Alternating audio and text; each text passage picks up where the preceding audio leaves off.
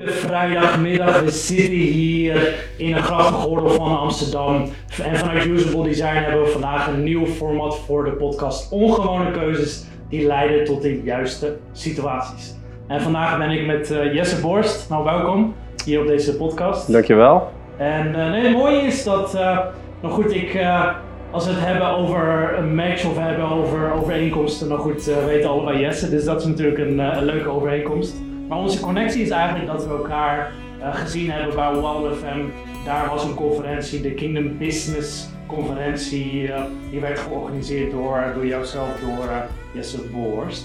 En het interessante van die conferentie vond ik zelf is dat dat echt een conferentie was, ook voor en door ondernemers. Uh, want jij bent ondernemer, ondernemend, jij bent een, een kingdom investor, jij bent daarbij ben je ook iemand die, uh, maar goed, bent een portfolio manager, dus je hebt best wel het overzicht over behoorlijk wat financiën en assets.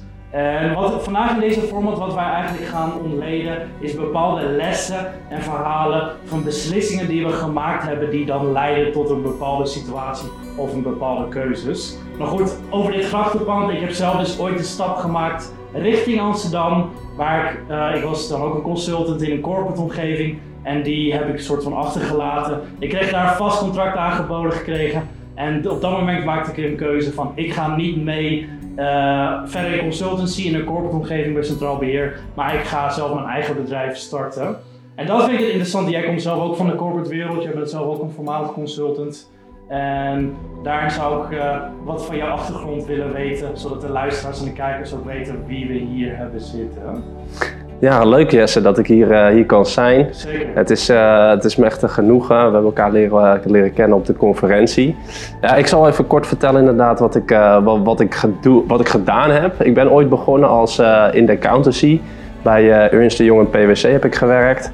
Um, en ik kwam er eigenlijk daarachter dat, laat zeggen, de, de consultancywerk dat het niet echt bij mij paste. Hmm. dus toen ben ik een stap gemaakt naar nou, wat we dan de, de corporate wereld. Ik ben bij Deltaloid verzekeringen ben ik uh, begonnen als uh, trainee na mijn studie Master Finance. En daar heb ik eigenlijk spelende wijs geleerd. In het traineeship kan je verschillende opdrachten doen binnen de organisatie. Heb ik gezien van uh, wat er allemaal mogelijk was. En ik kwam daar uiteindelijk bij een, bij een van de afdelingen. Dat heet Corporate Development. En bij Corporate Development ben je verantwoordelijk voor de fusies en overnames die het bedrijf doet. en ik ben daar verantwoordelijk voor het doen van de waarderingen van de bedrijven die gekocht werden. Um, ik heb dat eigenlijk, ik heb een aantal grote projecten daar mogen doen. En toen kwam ik eigenlijk achter van oké, dit past wel bij mij. Ja. Dit is echt leuk, hier krijg ik energie van. Uh, en dat heeft er uiteindelijk toe geleid dat ik bij de beleggingsafdeling terecht ben gekomen. Uh, en dat ik daar uiteindelijk dus portfolio manager ben geworden. Nou, wat is een portfolio manager? Dat is degene die verantwoordelijk is voor het beheer van het geld. Uh, en ik ben nu dan multi-asset portfolio manager bij Goldman Sachs. En ik ben ook verantwoordelijk voor een paar miljard. En ik beleg dat geld in vastgoed, in aandelen, maar ook in obligaties, staatsobligaties, bedrijfsobligaties, in grondstoffen. Uh, en mijn taak is eigenlijk om dat zo efficiënt mogelijk te doen. Uh, en als, zoals je al aangaf, ondernemen, dat ligt echt aan mijn hart. Dus ik doe dat niet alleen binnen het bedrijf. Ik ben heel, vaak heel innovatief bezig binnen het bedrijf. Maar ik doe het ook buiten het bedrijf. Ik heb een YouTube-kanaal, Money Principles. Maar daarnaast ben ik ook uh, bezig bijvoorbeeld met het schrijven van een boek. Ik ben ook ben ik, um, actief inderdaad met het organiseren van uh, ja, evenementen waar ondernemers bij elkaar komen. Dat ze ook met elkaar kunnen connecten, maar ook met elkaar kunnen groeien. En ook echt dat we elkaar handvaten en principes geven, waardoor je ook de juiste keuzes maakt. Hmm. Ja, wat ik mooi vind van jouw achtergrond, je vertelt nu je achtergrond, maar ik zie dat je daar best wel stapsgewijs uiteindelijk bent gegroeid tot de positie waar je nu zit. Dus nu ben je een portfolio manager, nu heb je overzicht over behoorlijk wat assets. Ik geloof dat uh, de taal, uh, hoeveel het was, rond de 7 biljoen. Dus je bent naar een positie toe gegroeid waar je op een gegeven moment natuurlijk gaandeweg heb je challenges, uitdagingen, maar ook ervaring die je opdoet. Je doet ook bepaalde lessen op. Nog goed, uh, de conferentie waar we elkaar ontmoeten, dat was bij Wild FM. Nog goed, uh, organiseer je toch even een evenement voor een paar honderd ondernemers. Wat ervoor zorgt dat je op een gegeven moment ook de kennis die je hebt opgedaan, de ervaring die je hebt opgedaan, die kun je vervolgens ook weer zelf inzetten. Wat ik zelf heel inspirerend vind, ik heb jou, als je het hebt over uh, YouTube, ik heb jou zelf ook op meerdere formats gezien. Dus je bent ook in een format geweest met Sean Bos. Nou goed, uh, Sean Bos is een bekende persoon in de christelijke industrie. Maar goed, Sean Bols was zelf een filmmaker en een director. Als we het hebben over ongewone keuzes, Sean Bols die kreeg een visie om de stap te maken van een filmdirector tot een pastor. Dus nu leidt hij gemeente en kerk in de United States. En daarin kan hij ook een paar honderd man kan hij trainen, onderwijzen. Echt vanuit de Bijbel, vanuit Gods woord. Dus jij bent zelf ook een christen, maar goed, ik ben zelf ook christen. En wat ik mooi vind is in die ondernemende geest die jij eigenlijk hebt, maak je soms ook keuzes die niet zo rationeel zijn. Dus nu zit je tot een positie, nu ben je op een op punt dat je als portfolio manager, dat je nog goed, ben je behoorlijk wat uh, ervaring hebt opgedaan en ook wat goed, obligaties en wat assets kan beheren. Maar in die format van Jean Bos zag ik een verhaal waarbij jij uh, een keuze maakte om een gift te geven of een donatie eigenlijk aan de stel die, uh, die jij zelf, en goed, je kende de, mannelijke persoon, kende je daarvan. En je had het op je hart om hem een soort van donatie of een gift te geven, wat, wat echt op een of andere manier op je hart lag. En het mooie daarvan is, maar goed, als ik het heb over toen ik zelf een uh, consultant was bij Centraal Beheer, had ik ook zo'n keuze dat ik maakte toen de stap om te gaan ondernemen. Dus ik startte mijn bedrijf Usable Design en op dat moment mijn eerste klant die ik had, daar kreeg ik uh, nog goed behoorlijk wat opdrachten uit. Er was ook een Amsterdamse investeerder, uh, die had zo'n acht bedrijven had die. En op een gegeven moment, nog goed, die gaf me wat opdrachten en wat klussen.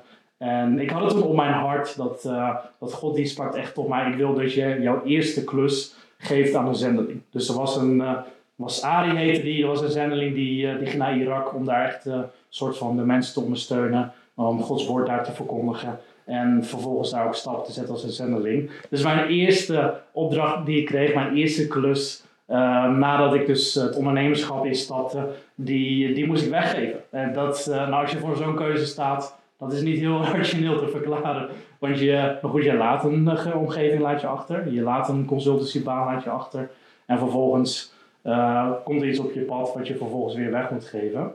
En daarin zie je soms ook best wel wat principes over zij en oogsten. Van, soms is het ook juist uh, een beter aspect. Of als je het over ratio hebt of over rendement. Soms is het beter om eerst iets te zaaien of iets te investeren. Voordat je daar ook weer een oogst of een rendement uit haalt.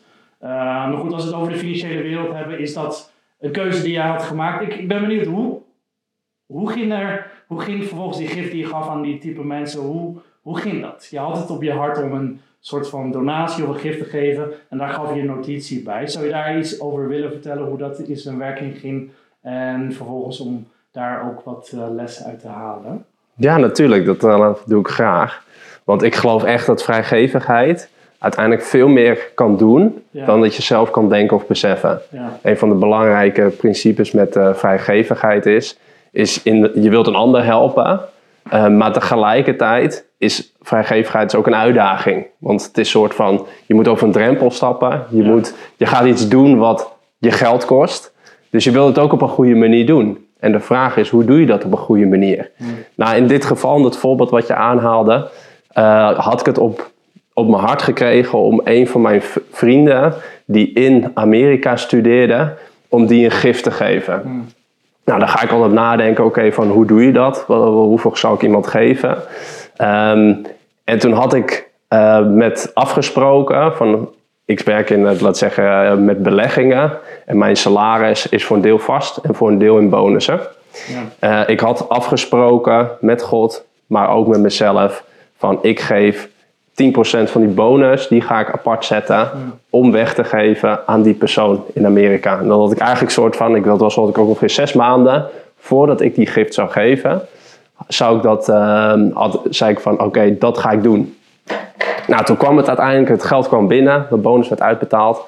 En toen dacht ik van oké, nou nu moet ik het doen. Dus ik had gewoon een rekensommetje gemaakt. Ja. Uh, dit is het bedrag uh, wat, ik, wat ik ga overmaken. Dus ik had het overgemaakt. Um, en wat ik vaak doe, is dat, dat ik er ook even over nadenk van oké, okay, waar kan ik iemand mee bemoedigen? Ik wil niet alleen geld sturen, want die, die persoon, deze jongen die ik, die ik kende, die, ja, hij wist niet dat het geld eraan kwam. Hmm. Dus uh, ik dacht van nou, ik wil hem ook even bemoedigen. Uh, ik wist dat hij met zijn vriendin serieus was, dat ze trouwplannen hadden. Ja, ik wist ook wel van, nou, dan is er natuurlijk geen geld. Hmm. Want ze studeren momenteel allebei in Amerika, wat heel duur is. Ja. Dus ik dacht van, nou, ik ga ze wil ze ook wat bemoedigen. Dus ik had in de beschrijving had ik gezet: a pre-wedding gift from the father. Wow. Dus het was echt een soort bemoediging van nou, een cadeautje Ja. voor, de, voor, de, voor de trouwerij. Dus ik had, eh, ik had die gift gegeven en ik denk er dan verder eigenlijk dan niet meer bij na.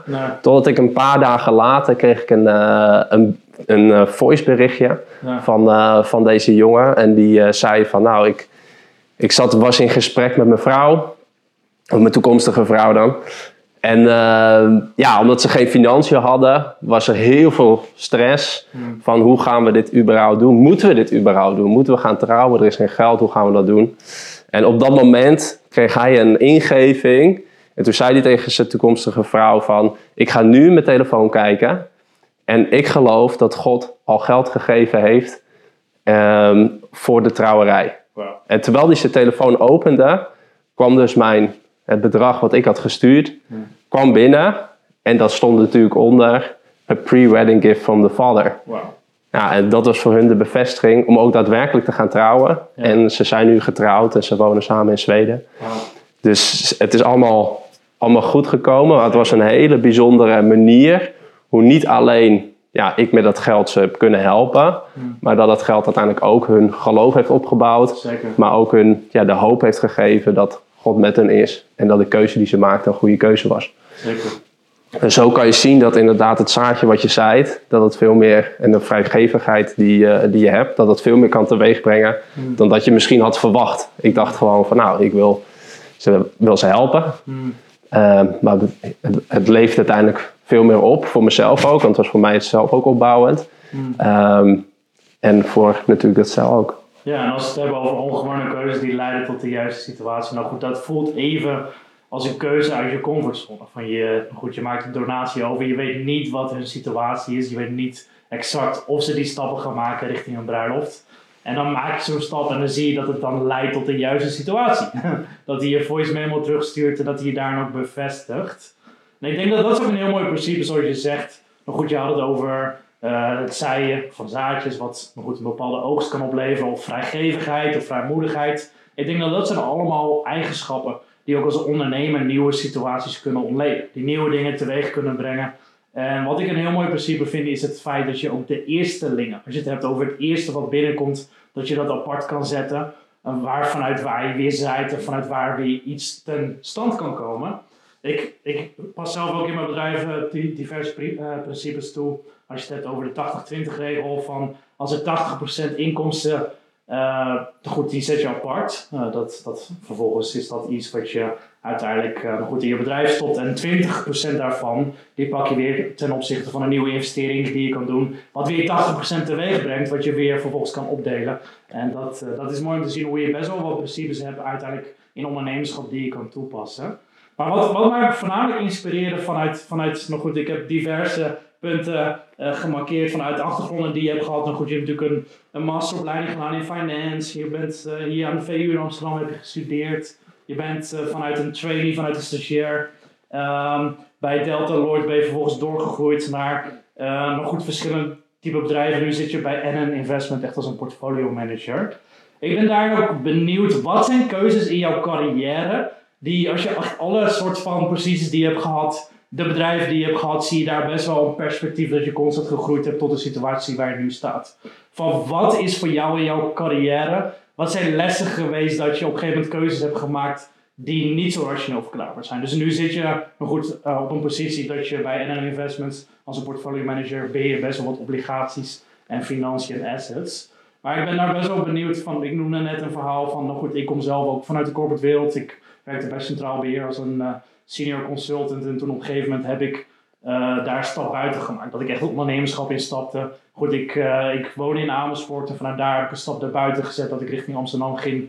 En gaandeweg, als ik nu naar, zeg maar, naar mijn cv kijk, zie ik ook best wel dat dat allemaal goed eh, heeft uitgepakt. Is daar voor jou een situatie geweest dat je voor een punt stond om iets achter te laten? Om, dat, dat je voor een punt stond om iets buiten je vermogen of iets buiten je ratio of iets buiten je comfortzone eh, te doen? Is, is daar iets wat je, wat je kan ontleden? Ja, zeker. Ik eh, kan eigenlijk, toen ik net begon bij, bij Deltroid als trainee, toen, ja, ik, ik kwam uit accountancy. En de eerste opdracht die ik kreeg, dat was weer in de, laat zeggen, accountancy binnen het bedrijf. Ja, Ehm, en wat ik, ik was eigenlijk soort van achtergekomen dat ja, accountancy is dan toch niet helemaal. Ehm, maar het ging niet. Ik kreeg ook een beoordeling van mijn leidinggevende en die was gewoon niet goed. Hmm. En dat zou ook betekenen dat als ik weer een slechte beoordeling zou krijgen, dat het traineeship uh, zou stoppen. Hmm. Dus toen heb ik, uh, ja, toen dacht ik van oké, hoe ga ik dit nu soort van aanpakken? Je kan, gaat beter je best doen. Uh, je gaat, uh, we hadden gelukkig heel veel ondersteuning vanuit managers en ook vanuit coaches die dan ja, je gaan helpen van oké, waar loop je dan tegenaan? Mm. maar het was echt wel even, even spannend. Ja, zeker. Um, en een van de dingen, ik ben opgegroeid dan, mijn vader is ook heel ondernemend en die, had, die, had, die zat ook al in het verzekeringswereldje. En die had ook allemaal ideeën waar ik van kinds af aan mee in aanraking was gekomen. En er was, kwam uiteindelijk een idee voorbij waarvan ik dacht van, nou, dat kunnen we ook binnen dit bedrijf gaan doen. Hmm. En wat ik toen deed was van, oké, ik, ik had dat idee en toen ben ik dat gewoon eens gaan ventileren met wat mensen binnen het bedrijf. En ik had daar de, de afdeling die daar verantwoordelijk voor was, ja, die was ook eigenlijk wel enthousiast over het idee. Van, nou, misschien moeten we dit wel gaan doen. Ehm, en dan praat je met de ene manager, praat je met de andere manager. En voor je het weet had ik een afspraak bij de raad van bestuur. Waarvan ze, waarvan ze graag wouden horen van wat het idee was. Maar dan kan je natuurlijk niet helemaal onvoorbereid heen gaan. Dan moet er een goede pitch liggen en dan moet er een goede ja, moet een goed verhaal liggen. En ook van oké, hoeveel moeten we investeren wat, uh, en wat kan het mogelijk opleveren. Dus uh, ja, ik kreeg, kreeg toen de kans om eigenlijk in een paar maanden tijd, terwijl ik bij die accountieafdeling zit, om daarnaast met die pitch aan de gang te gaan. En dat werd ook gemotiveerd vanuit de afdeling van ah, dit, is, dit is ook goed voor jou, voor je zichtbaarheid binnen het bedrijf. Um, en toen ben ik me daar gewoon op, op gaan storten. En toen merkte ik van oké, dit is iets waar ik gewoon heel goed in ben. Ik heb toen eigenlijk een pitch neergezet. De raad van bestuur was uiteindelijk ook akkoord met het idee. En dat geld ging naar de afdeling die daar verder mee, uh, mee uh, moest gaan moeten gaan bouwen. Uh, maar als ik kijk naar mijn carrière, zijn er vaak dat soort momenten geweest dat ik, liep ergens tegenaan. Toen ben ik eigenlijk tegen de norm ingegaan. Ik ben mijn eigen project heb ik gecreëerd. En daar ben ik volop ingegaan en daarmee heb ik bepaalde successen geboekt. In dit geval dan het succes dat het project ook geaccordeerd werd en dat de, de funding daarvoor beschikbaar kwam. Um, maar dat heeft altijd weer een deur geopend voor iets anders. Want uiteindelijk bij bijvoorbeeld die afdeling waar ik zo enthousiast over was, die van fusies en overnames. Dat is een afdeling binnen een bedrijf waar maar vijf mensen werken. En er is altijd één trainee die daar mag, mag komen. Maar omdat ik net bij de raad van bestuur een succesvol project had afgerond, ja. was ik degene die daar mocht, mocht gaan werken. En dat heeft zo alle dingen geopend. Maar je ziet wel dat ja, het vereiste dat je iets moet, moet doen wat niemand je eigenlijk aanreikt, maar wat je zelf moet creëren. En dat je eigenlijk ook een stukje ondernemerschap moet tonen in het bedrijfsleven. Ja. En dat dat uiteindelijk ook beloond wordt. En hoe doe je dan? Kijk, je zit nu, je, je geeft aan, je creëert zelf iets binnen een bedrijf en daarin heb je het ondernemende vermogen om daar ook buiten te stappen.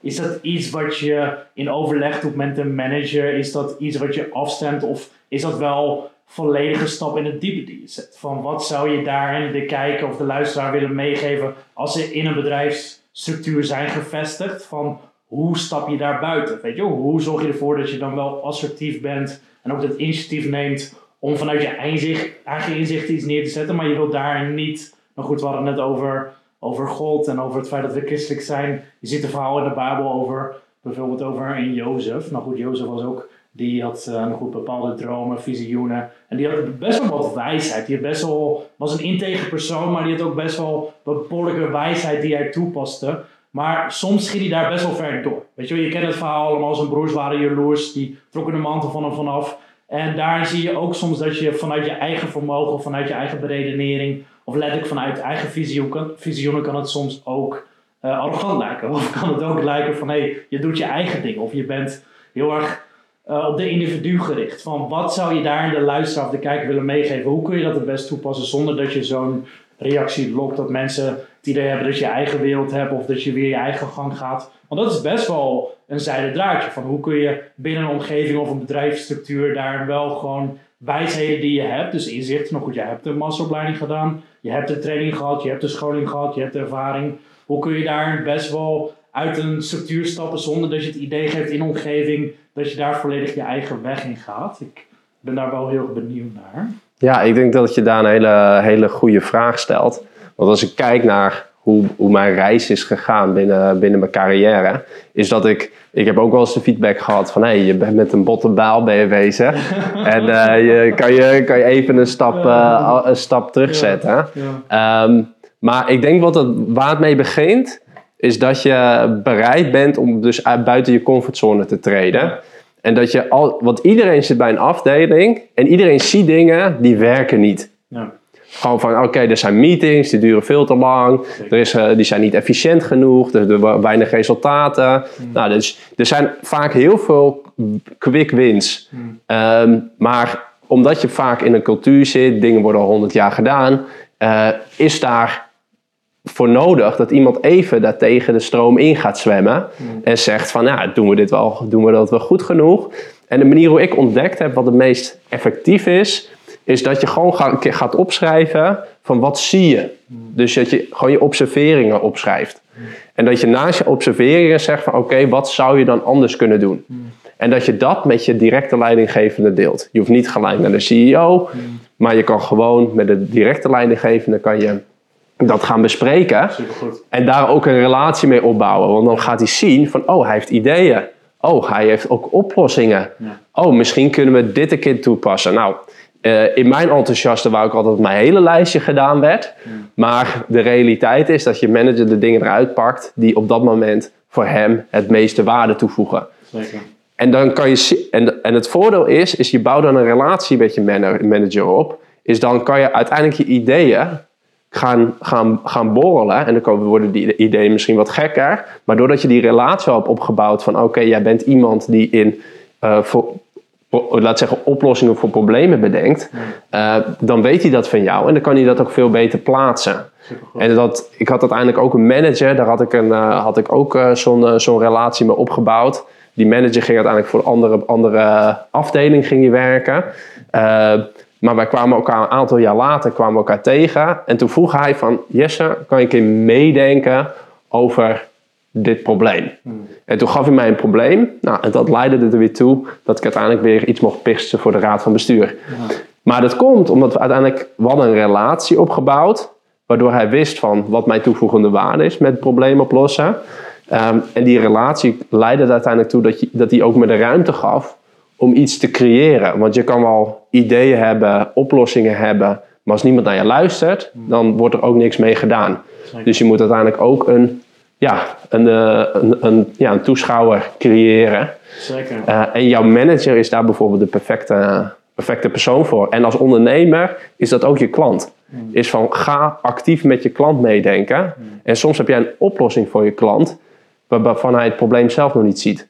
Dus ga met hem meedenken. En dat is vaak een goede manier om ook die relatie op te bouwen. Ik denk dat die balans is ook heel mooi zoals je aangeeft van je doet het deels vanuit een toeschouwerperspectief, maar deels ook vanuit het assertiviteit wat je hebt. Dus ook het ondernemende vermogen. Dat in eerste instantie, nou goed, jij komt vanuit consultancy. Consultants zijn mensen die ook wel eerst kunnen observeren en zich kunnen aanpassen aan de omgeving. Je hebt ook wel een adaptief vermogen om dat te doen. Dus ik denk dat die balans heel mooi is. Van eerst, uh, eerst ben je een omgeving aan het observeren. Maar goed, zoals je heel mooi aangeeft, je schrijft bepaalde lessen op.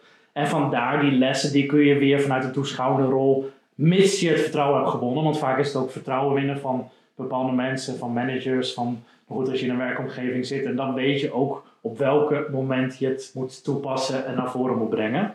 Ik denk dat die balans is heel mooi en dat breng jij denk ik heel goed aan. En ik denk dat dat zorgt ervoor, als je die balans hebt, zorgt ervoor dat je niet uh, wordt geconstateerd. Maar goed, als we het over Jozef hebben, die werd juist gezien als iemand die te veel zijn eigen uh, of ideeën inzet. En die balans is denk ik een hele gezonde dosis van ook wijsheid, integriteit, maar dat je wel die assertiviteit hebt en het ondernemende vermogen. Dus uh, nee, dat is denk ik, dat zijn hele mooie lessen. En ik denk dat dat ook uh, typeert in jou als persoon. Maar goed, ik, ik was zelf bij die Kingdom Business evenement bij Walder twee weken geleden. En wat we daarin zagen is dat, dat ondanks dat jij het evenement organiseerde, was jij de persoon die als laatste een lecture gaf van de dag. En dat vond ik best wel interessant. Ik denk als organisator kun je jezelf ook best wel naar voren schuiven. Van ik ben de eerste die de dag opent. Of ik sta centraal na de lunch. Of ik zorg ervoor dat mijn lecture of uiteindelijk mijn sessie het meest toonaangevend is. Maar ik vond dat heel interessant om te zien. Ondanks dat je zo'n evenement organiseerde uh, bij WalderFM. Dat je als laatste zeg maar ingeroosterd stond uh, aan de hand van de sessie die je gaf. Zou je daar iets over willen vertellen? Hoe ging dat uh, tot stand? Van, je hebt een visie om een evenement of een conferentie te organiseren voor verschillende ondernemers. Maar goed, je vindt een locatie. Als je het hebt over aanpassing, een omgeving of een gebied. Uh, zou je daar kort iets over willen vertellen hoe dat tot stand kwam? Ja, zeker. Ja, het, is ook wel een bijzonder, bijzonder hoe dat is gelopen. Want ja, ik ben een belegger. Ik ben geen evenementorganisator. Dus ja, je wordt ook soort van het was ook wel iets wat echt wel buiten mijn comfortzone lag. Uh, maar wat de reden eigenlijk waarom ik het had georganiseerd, was dat ik zat, ik had een goed gesprek met uh, de, de, de, de eigenaar van Wild FM ja. een aantal maanden geleden. En dat gesprek was zo goed. Er was zo'n connectie dat ik dacht van nou, ik wil mensen die gelijkgestemd zijn, wil ik bij elkaar naar ruimte brengen. Hmm. Nou, dan ga je met elkaar, ga je met vrienden brainstormen. En de ene zegt van je moet een stadion afhuren. En de ander zegt van nou, je zet een paar mensen bij elkaar met een kopje koffie. Dan is het soort van, uh, dat is ook al heel mooi. Um, en toen ben ik eigenlijk gaan zoeken. Het eerste wat ik gedaan heb, is geconnect met de mede-organisator. Dat was uh, Pieter, uh, Pieter den Dekker. Mm. Pieter den Dekker werkt bij het ministerie van de Buitenlandse Zaken. Is daar wateringenieur. ook iemand die geen organisator is van nature, maar iemand die wel een heel groot netwerk heeft. Zeker. En omdat ik in het bedrijfsleven zit en niet zozeer een heel sterk christelijk netwerk heb, hmm. was het ook zo van: oké, wie komt er dan op zo'n evenement? En Pieter die hielp daarbij om ook binnen zijn gemeente en binnen zijn netwerk, en hij was ook hij is betrokken bij een aantal business, uh, business uh, evenementen, ja. om dat soort van bij, bij elkaar te brengen. Dus het was belangrijk voor mij om iemand te hebben die dat aanvulde. Uh, en ik ben wel goed in, laat zeggen, dingen organiseren. Ik kan heel goed projectmatig werken. Uh, maar toen was het inderdaad van, oké, hoe ga je dat dan doen? Hoe ga je dat dan betalen? Wat ga je, dan, ga je geld vragen voor een ticket, terwijl het gewoon een netwerkevenement is? Ga je dan, uh, of ga je, ga je vragen of mensen gewoon een, een donatie geven? Uh, ik had eerst het idee van nou, ik wil het gewoon gratis doen, ik wil, ik wil het wel zelf betalen. Uh, maar toen ik het rekensommetje maakte, toen was het voor een paar honderd man is gewoon best wel veel geld. Wat je, moet, uh, wat je moet betalen qua catering, qua locatie. Dus toen kwamen we er uiteindelijk van van oké, okay, we gaan daar wel gewoon een prijs per ticket vragen. Mm. Zodat het ook, nou enerzijds laat het zien dat het serieus is. Mm. Dat het een serieus evenement is. Dat er serieus veel tijd en energie is ingestoken. Um, en dat als mensen komen, dat ze ook, laat zeggen, dat je, de, dat je de juiste doelgroep bereikt. Als het een gratis evenement is, mensen schrijven zich in, maar mensen komen niet. Dus je moet dat, het zijn allemaal dingen die je soort van moet, uh, moet, uh, moet afwegen. Um, maar toen had ik echt in mijn hoofd van, ik wil eigenlijk op die locatie, die plek, want niet elke locatie kan natuurlijk een hoeveelheid deelnemers aan. Dus ik had die locatie, die plek in mijn hoofd en dat is het gelukkig ook geworden. Um, maar dat was wel inderdaad een uitdaging om te kijken van oké, okay, komen er mensen? Gaan mensen zich aanmelden? Um, en dat is wel, was voor mij wel een hele reis, een hele uitdaging. Uh, maar ik heb daar wel gezien, en je had het over die plek van, ja, waarom sta jij dan, waarom rooster je jezelf als laatste in? Zeker. Nou, dat heeft dan voornamelijk te maken met het doel van de conferentie. Voor mij was het doel niet om zelf wat te vertellen. Ik heb heel lang getwijfeld over wat ik zou gaan vertellen. Ja. Um, maar het was het doel eigenlijk om mensen die ik al waren, waren tegengekomen, om die de ruimte te geven om hun verhaal te doen. Uh, en dat, dat lukte ook. En dat was echt soort van, dat merkte je gewoon van het begon te leven. Van deze mensen die krijgen niet altijd een podium. Zeker niet binnen podium binnen een christelijke uh, gemeente bijvoorbeeld. Ja. Uh, terwijl ik het wel belangrijk vind dat deze mensen met hun verhaal en wat ze te vertellen hebben, dat die ook uh, de ruimte krijgen om hun verhaal te vertellen. en dat vond ik een mooie stap over een locatie, is dat je een radiostation gebruikte om daar ondernemers bij elkaar te brengen. Weet je, van, je zou ook een congresruimte of een stadion of iets dergelijks kunnen soort van faciliteren, maar juist de keuze voor een radiostation laat ook wel zien dat je het vermogen hebt om ondernemers vanuit verschillende invloedssferen bij elkaar te brengen. Met Jesse Borst sluiten we via deze sessie af. Jesse is niet alleen een inspirator, een ondernemer, maar hij is ook iemand die evenementen organiseert en faciliteert. Zo hebben we Jesse ontmoet bij Walder FM en God Radio, waar hij verschillende ondernemers bij elkaar bracht. Dit item is dan ook bedoeld om ondernemers bij elkaar te brengen, ze te inspireren en te mobiliseren. Zo werd Jesse ook gevraagd om een stap uit zijn comfortabele situatie te zetten, buiten de bedrijfsstructuur zelf, nam hij zelf het initiatief om daarin ook dingen voor te stellen te initiëren binnen het bedrijf zelf, wat hij weer mocht pitchen voor de board, wat leidde tot zijn promotie. Dus wil jij als ondernemer zelf ook de vervolgstap zetten? Wil jij daarbij ook, nou goed, uiteindelijk die promotie verkrijgen? Dan vereist dat soms een beslissing die niet altijd rationeel verklaarbaar is of die buiten onze comfortzone is. En daar is dit item dan exclusief voor bedoeld. Voor ondernemers, door ondernemers, ongewone keuzes die leiden tot de juiste situaties. Heb jij als ondernemer nu een ongewone keuze? Of wil jij geïnspireerd worden? Of wil jij juist je verhaal delen? Dan is dat mogelijk. Neem contact met ons op via www.usable.design. En wie weet ben jij de ondernemer die hier de volgende sessie zijn verhaal doet. Aan de grachtengordel van Amsterdam.